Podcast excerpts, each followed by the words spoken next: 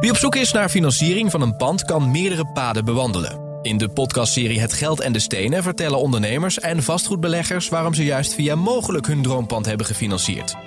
Luister de podcastserie via bnr.nl of je favoriete podcast-app. Blijf scherp. BNR Nieuwsradio. Vastgoed gezocht. Maarten Bouwhuis en Maarten de Gruiter. Jij dacht zeker dat Amsterdam duur was. Nou, zet je schrap. In deze stad kost een appartement gemiddeld 1,6 miljoen euro. De vraag van deze week: hoe dealt een makelaar op de huizenmarkt in New York? Dit is vast goed gezocht, jouw wekelijkse update over de wereld van de stenen. Je hoort ons natuurlijk elke maandagavond op BNR of gewoon online via je eigen podcastplayer en bnr.nl. Meld je vooral even aan voor onze podcast. Dan krijg je natuurlijk een, uh, een push-up als er weer een nieuwe aflevering klaar staat. Maarten de Guiter is er deze keer niet. Is uh, op zijn uh, favoriete eiland Bonaire. dag Maarten. Ja, hi Maarten. ik, ik begreep dat je Maxime Verhagen nog hebt ontmoet. Ja, nou, ik was hier uh, nou, niet heel toevallig, want het is natuurlijk vakantie. Dus wij zijn naar ons favoriete eiland inderdaad. En uh, ik was hier voor de afscheidsreceptie, uh, kwam ik, de afscheidsreceptie van Edison Reina, de gezaghebber. En daar kwam ik onder andere ook Maxime Vragen inderdaad tegen, die was daar ook. En Edison die krijgt een hele mooie nieuwe post. En na tien jaar als uh, gezaghebber uh, zwaait hij af. Oké. We hebben overigens laatst nog een uitzending gemaakt over vastgoed op het eiland. Heb je daar nog reacties op gekregen? Veel reacties op. Ja, ook, ook hier luisteren ze natuurlijk naar ons fantastische programma. Zo is het. En, uh, zo is het, ja.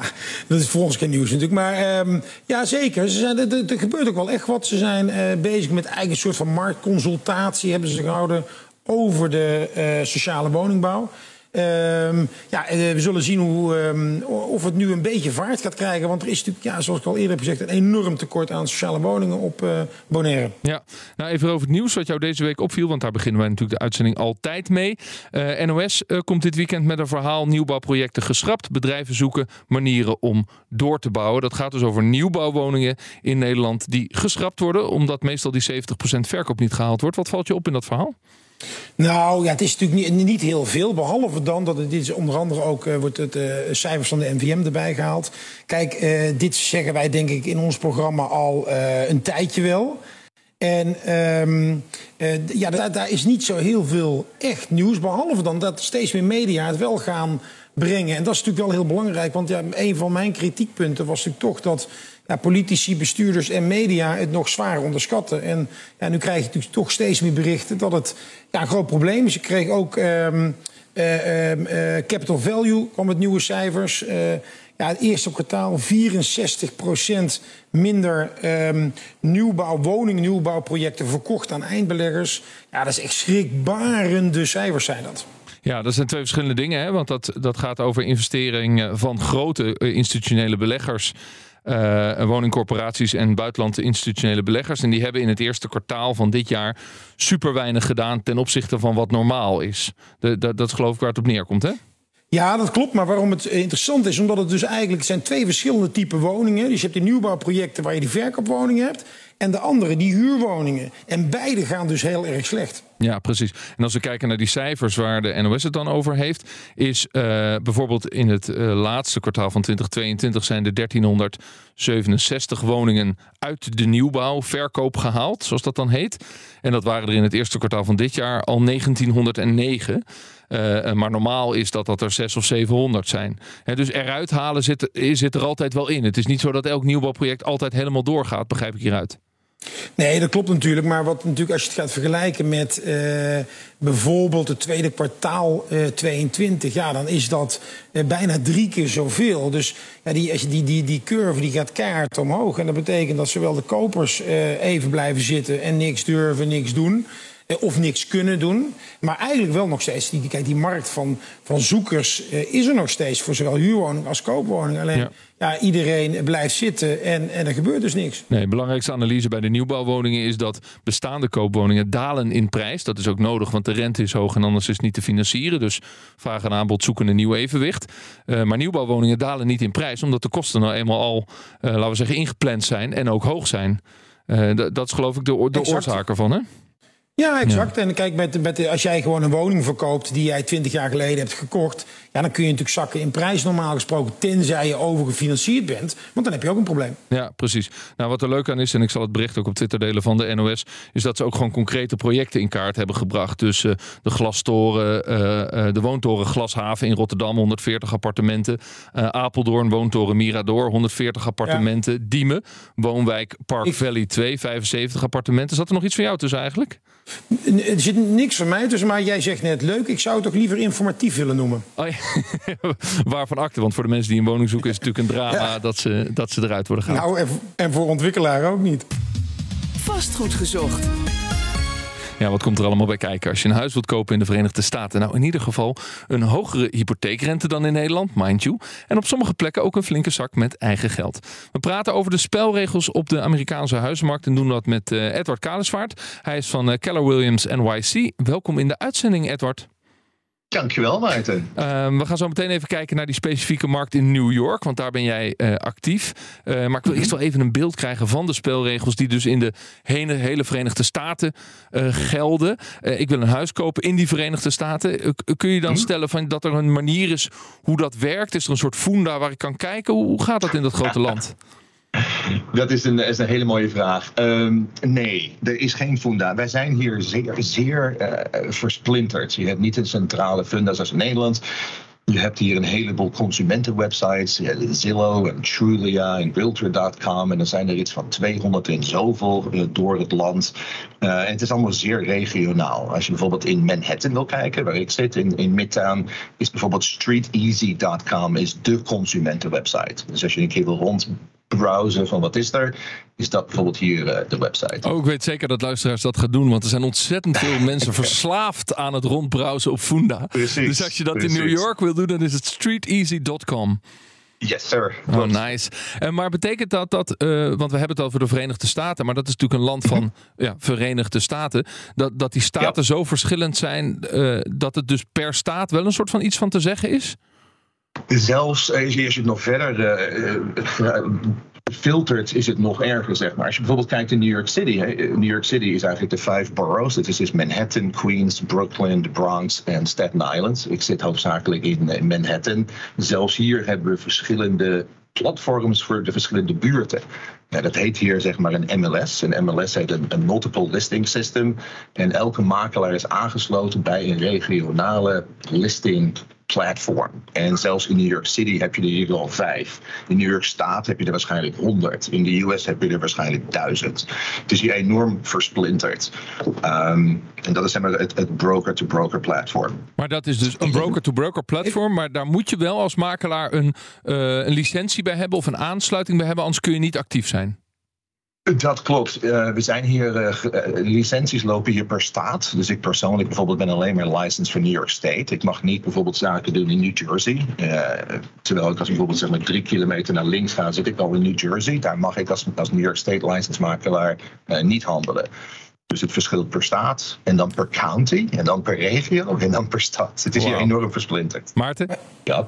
Maar is het, ja, is het niet een gat in de markt dan om een landelijk platform te beginnen? Ja, nee, je bent absoluut niet de eerste met dat briljante idee. En, uh, het, is, uh, het is hier allemaal zeer uh, gesegmenteerd en iedereen probeert een beetje zijn eigen, zijn eigen eilandje te beschermen. Um, en makelaardij werkt hier ook zeer, zeer anders dan in Nederland.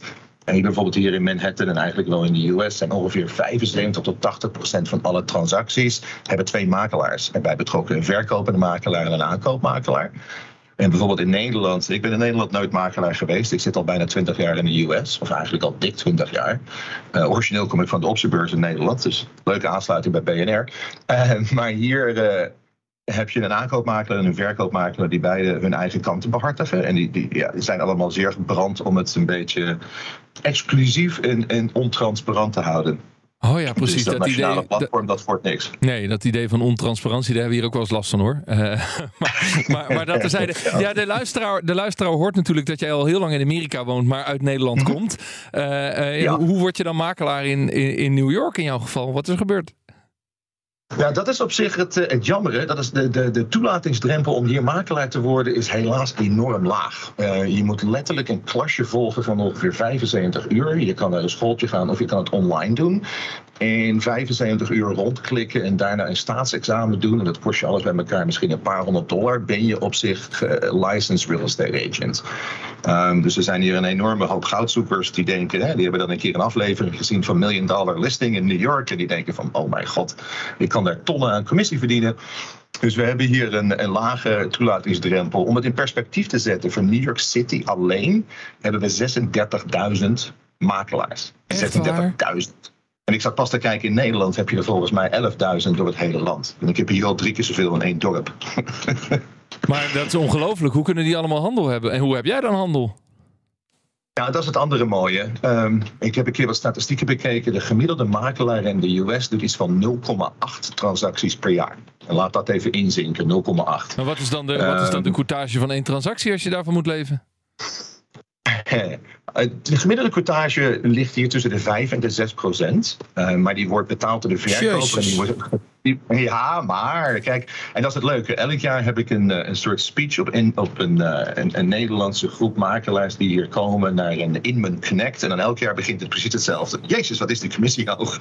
En dan op een gegeven moment gaan we dieper graven van hoeveel tijd besteed je nou aan een transactie in Nederland en hoeveel tijd besteed je aan eentje hier. Dan na 10, 15 minuten is het gaan van ja, oké, ik begrijp het nu waarom jullie zoveel portage rekenen. Maar het gros ligt tussen de 5 en de 6. Dat wordt betaald door de verkopende partij. En als er dus twee makelaars zijn uh, betrokken bij de transactie, wordt die courtage 50-50 gesplit. Dus, stel dat het een. Maar Edward, vertel, wat is het grote verschil dan? Uh, de, de, de, de, moeilijkheid van de transactie. Stel bijvoorbeeld jij koopt, uh, en daar kunnen we dieper ingaan, een co-op. In New York City, als je zeg maar naar de high-rise gebouwen kijkt, hebben we twee smaken: condo's en co-ops. Condo's is hetzelfde als in Nederland. Je koopt een appartement, je hebt een VVE, je bent eigenaar, maar doe er later wat je wil. En dan heb je een co-op. En dat is ongeveer 75% van de hele markt hier in Manhattan. En daar word je zeg maar aandeelhouder in een coöperatieve eh, vereniging. En als je toegelaten wordt, en dan komt dan met het vruchtgebruik van een bepaald appartement. De transactie en de uh, application om in een co-op te mogen kopen. Ik doe liever de belastingaangifte van alle drie van jullie en je hele familie. dan dat ik zeg maar zo'n uh, application doe. Daar heb ik mensen bij. Oh mijn god, als je, ja. Dus je bent hier al gauw zeg maar eh, drie maanden bezig met een transactie. Dus dan, dan is het al gauw een beetje meer. Maar, maar, Oké, maar dat maakt dus ook dat die courtage dan zo hoog is. En je zegt, je, de, een klant heeft mhm. dus bijna altijd. Nee, er is bijna altijd en een aankoopmakelaar en een verkoopmakelaar. Ja. Alleen de kosten, de kosten voor die beide makelaars worden betaald door de verkoopmakelaar. Hoe zit het dan met die onafhankelijkheid van beide partijen? Daar zijn we heel strikt in in Amerika. We hebben allerlei disclosures. Want hier uh, zijn ze natuurlijk heel erg litigious. Dus ze vinden het heel leuk om iedereen hier te suwen.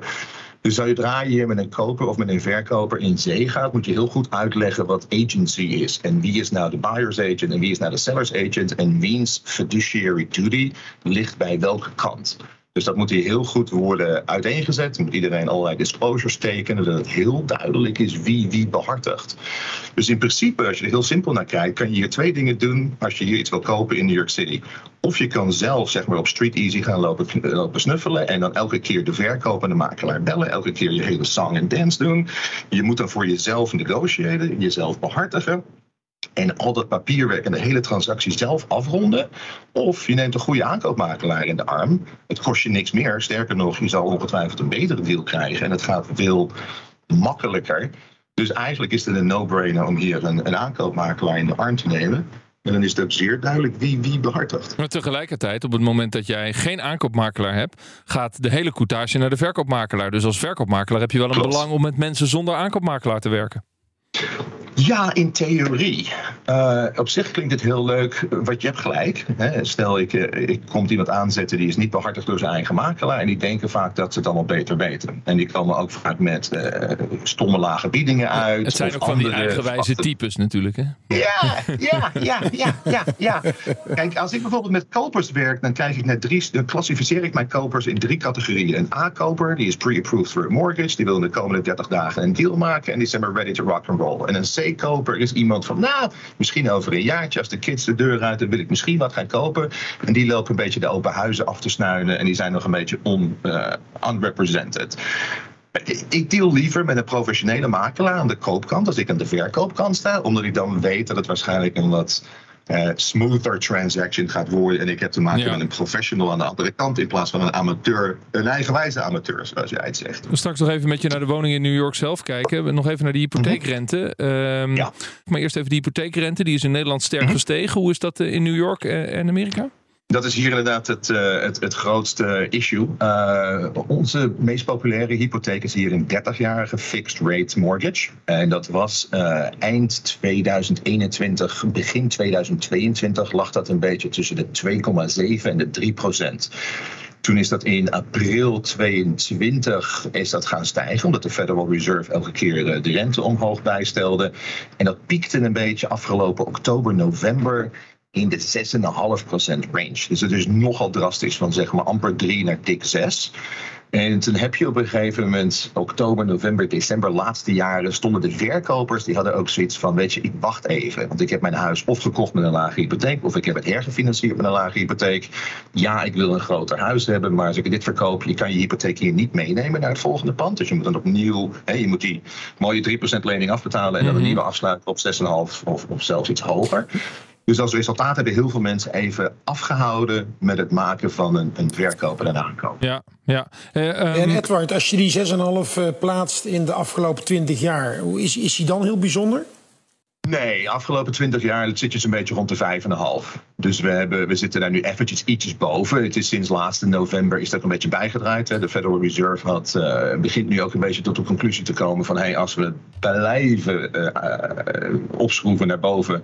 Uh, zeker in de commercial real estate industry, waar ik zelf hier uh, veel in doe, begint het een beetje te kraken in zijn voegen. Er beginnen ja. wat kantoorgebouwen in foreclosure te gaan en wat andere dingen die gewoon, ja, het begint hier te kraken. Wat betekent dat, foreclosure? Dus, foreclosure, uh, nou, je hebt bijvoorbeeld een aantal grote office landlords hier in Manhattan. kijk, onze office-markt die ligt er nog een beetje slecht bij. Voor de pandemic hadden we gemiddeld tussen de 8 en de 11 procent vacancy in, in kantoorgebouwen. Dat ligt nu zo'n beetje rond de 16 à 20 procent hier in Manhattan. Leegstand. En leegstand, ja, Zo, de vacancy rate. Dat is extreem.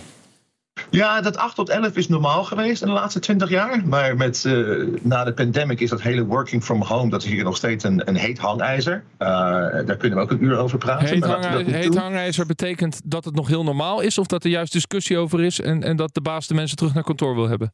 De baas vraagt inderdaad de mensen terug naar het kantoor. En de heleboel mensen hebben zoiets van: nou, nee, mijn product is nog prima, dus uh, de groeten. En we zitten hier nog steeds in een, uh, een lage uh, werkeloosheidscijfers. Dus het is niet makkelijk om goed personeel te vinden. Dus degene die zeggen van je moet terugkomen. En als dan de majority van de, van de staff zegt van nou, de mazzel, ik blijf thuis. Dan hebben mensen iets van: oh, oké. We beginnen wel, dat is een beetje een side note. Je begint de laatste twee, drie maanden begin je een beetje. Misschien heb je wel eens gehoord van FOMO, Fear of Missing Out. Oh, oh, yes. begin, je hier een beetje, begin je hier een beetje te zien FOMO, Fear of Missing Out aan een promotion. Dus je begint hier nu mensen te krijgen, wil je lekker vanuit huis werken? Nou prima, Jantje die kwam wel naar kantoor en die is nu van vice president naar president gegaan. Dus blijf jij lekker vanuit huis werken.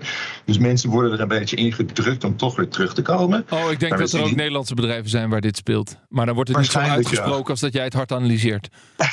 ja, daar komt het wel op neer. Maar met andere woorden, we hebben hier nog steeds, zeg maar, zo'n in Midtown waar ik zit. Ik zit op Park Avenue en, en 39th Street, vlakbij Grand Central. We hebben hier nog steeds zo'n 17, 18 procent vacancy rate. Maar dan eventjes dat, dat concretiseren ah. voor dat commerciële vastgoed. W mm -hmm. Wat gaat daar dan mee gebeuren? Want in Nederland, nee, in wat, Nederland, wat is, in Nederland zeggen ze dan, kunnen we daar woningen van maken? Dat is eigenlijk de, de, ja. de standaard reactie, zullen we maar zeggen. Maar wat gebeurt er in New York klopt, mee dan? Nou, het, het, het, eerste, het eerste stukje is natuurlijk dat die kantoorgebouwen, stel dat zij weet ik, 60, 70 dollar per square foot per jaar aan huur kregen voor de pandemic. En dat ligt nu rond de 40, 50 dollar per foot. Dus hun huurinkomsten zijn omlaag geschroefd. Hun leegstand is omhoog geschroefd. En ze hebben die gebouwen misschien geherfinancierd een handjevol jaren geleden op 3,5, 4 procent. En er komt een balloon payment aan in de komende 1, 2 jaar. En nu is het in één keer een 6% rente. En dat gebouw was vroeger 100 miljoen waard. Nu is het 75 miljoen waard. En de rente is hoger en de inkomst is lager. Dus je hebt heel veel ja, landlords die toch zoiets hebben van... nou, ik geef de sleutels terug aan de bank en succes ermee. Dat begint te kraken. En dan die hele conversie van office, office buildings naar residential... Uh, dat is een hele lange conversatie, maar het komt er heel simpelweg op neer. Als jij een groot kantorengebouw voor de geest haalt in Midtown Manhattan, wat misschien 100 bij 100 meter is als een footprint, en waar je allemaal kantoren hebt in het midden van dat gebouw, dat is prima, maar daar kun je geen appartementen van maken. Nee, Want je appartementje bent, heeft licht nodig, het heeft dat nodig, het heeft dat nodig. Dus je ziet nu een heleboel wijze mensen in de lokale gemeente allemaal, allemaal roepen van, wat moeten die kantoren, moeten we residential van maken? En dan is het van, ja. En dan komen ze een half jaar later de conclusie dat het voor 94% van de gebouwen niet werkt. De huizenmarkt in Amerika, eh, je hoort het wel, daar hebben we het over in deze aflevering van Vastgoed Gezocht. De collega John van Schagen, die vroeg zich natuurlijk af, kan ik als Nederlander daar naartoe gaan en zomaar een woning kopen? Maarten, even goed opletten. Ja, dat kan dus, maar er zijn wel een paar dingen waar je rekening mee moet houden. Ga je officieel in Amerika wonen, dan moet je in het bezit zijn van een verblijfsvergunning, de welbekende Green Card. En let op, de aanvraag daarvan duurt lang en brengt een boel papierwerk met zich mee. Wat ook mogelijk is, expat worden. En daarvoor heb je dan wel een werkvergunning nodig. Nou, klop je vervolgens voor de aankoop aan bij een Amerikaanse bank, hou dan rekening met de volgende zaken. Amerikaanse banken verlenen alleen hypotheken aan mensen met een baan in de Verenigde Staten. Je bent altijd duurder uit dan een Amerikaan. En wat je verder nodig hebt is een Amerikaanse bankrekening, een Social Security number of een Individual Taxpayer Identification number. En zet je schrap, voor buitenlanders is een aanbetaling van 50% niet heel uitzonderlijk.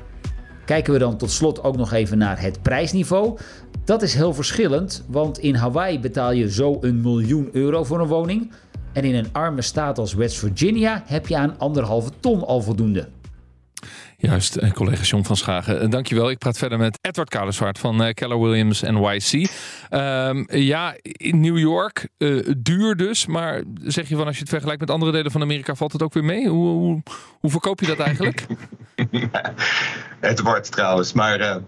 Kijk, alles, alles hier is relatief. Um, ik heb zelf een tijdje makelaar uh, geweest, anderhalf uur ten noorden van Manhattan. En daar is het prijsniveau, het prijsniveau is lager, maar het inkomen is lager. Je cost of living is lager. Het is allemaal relatief. Stel jij zou bijvoorbeeld ergens in, uh, in diep in New Jersey een ton per jaar verdienen. Je hebt een bepaalde levensstijl. Als je diezelfde levensstijl in Manhattan wil uh, repliceren, dan moet je misschien 2 en een kwart, 2,50 verdienen. Dus het is allemaal relatief. Um, en wat hij net zei over het prijsniveau, dat klopt. Kijk, New York, het, het, is een lang verhaal, maar New York City is een van de meest stabiele markten in Amerika. Als je kijkt in 2006, 2007, 2008, toen de hele huizenmarkt hier een beetje in elkaar kukelde, dat waren allemaal mensen die konden hun naam schrijven en ze hadden een hartslag en die kregen een hypotheek. En die hadden dan dingen van 5 ton, 6 ton met een minimale down payment, sommigen helemaal geen down payment. Maar dat was niet in New York, was het ook in New York? Dat was niet in New York, klopt. Ja. Ons prijsniveau ligt zoveel hoger dat zelfs als jij voor 1,6, wat je net zei, ons gemiddelde prijspunt een hypotheek aanvraagt, moet je al sowieso minimaal 20% eigen geld meenemen. Ja. En als het in een co-op is, dan kan dat zelfs 30%, 40, 50% zijn. Plus, om eens een keer toegelaten te worden tot die co-op, moet je er financieel ook gezond bij Dus zitten. het voordeel van Dus een dure markt is eigenlijk een stabiele markt. Exactly, want hier heb je bijvoorbeeld nooit foreclosures gehad. En foreclosure is het proces dat op een gegeven moment mensen onder water staan op, Ja. een, eh, op een hypotheek en, en weglopen. Dat heb je in New York City eigenlijk nooit gehad, omdat iedereen zo groot er zelf in zit. Hey, maar tot slot, wordt er eigenlijk nog bijgebouwd? Want in Nederland is zeg maar, ehm, ja, wordt er altijd gezegd als we die prijzen willen drukken, moeten we meer bouwen. Is, is dat, kan dat eigenlijk in Manhattan? Is er nog een beetje ruimte?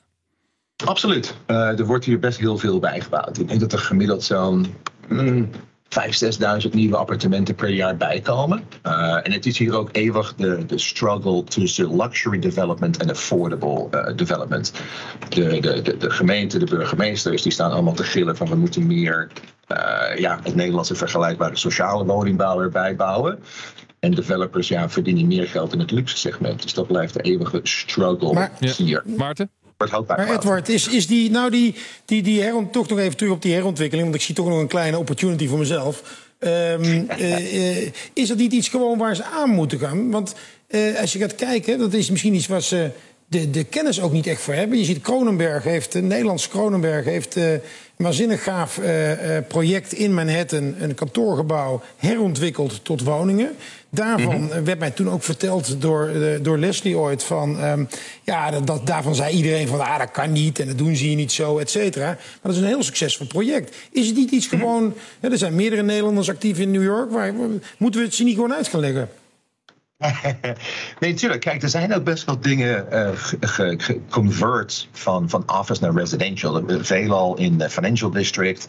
Um, wat ik net zei over de moeilijkheid, dat geldt ook niet voor alle gebouwen. Maar het ligt nu rond de 94% van alle kantorengebouwen die laten we dit zo zeggen, niet kostenefficiënt zijn om te converten naar residential. Ja. Gewoon omdat je zeg maar de aanschaf van het kantorengebouw en alle hard, hardcast, softcast om het te doen, dan zit je er bijvoorbeeld op een gegeven moment voor 1200 dollar per square foot in en dan creëer je iets wat 800 dollar per square foot waard is.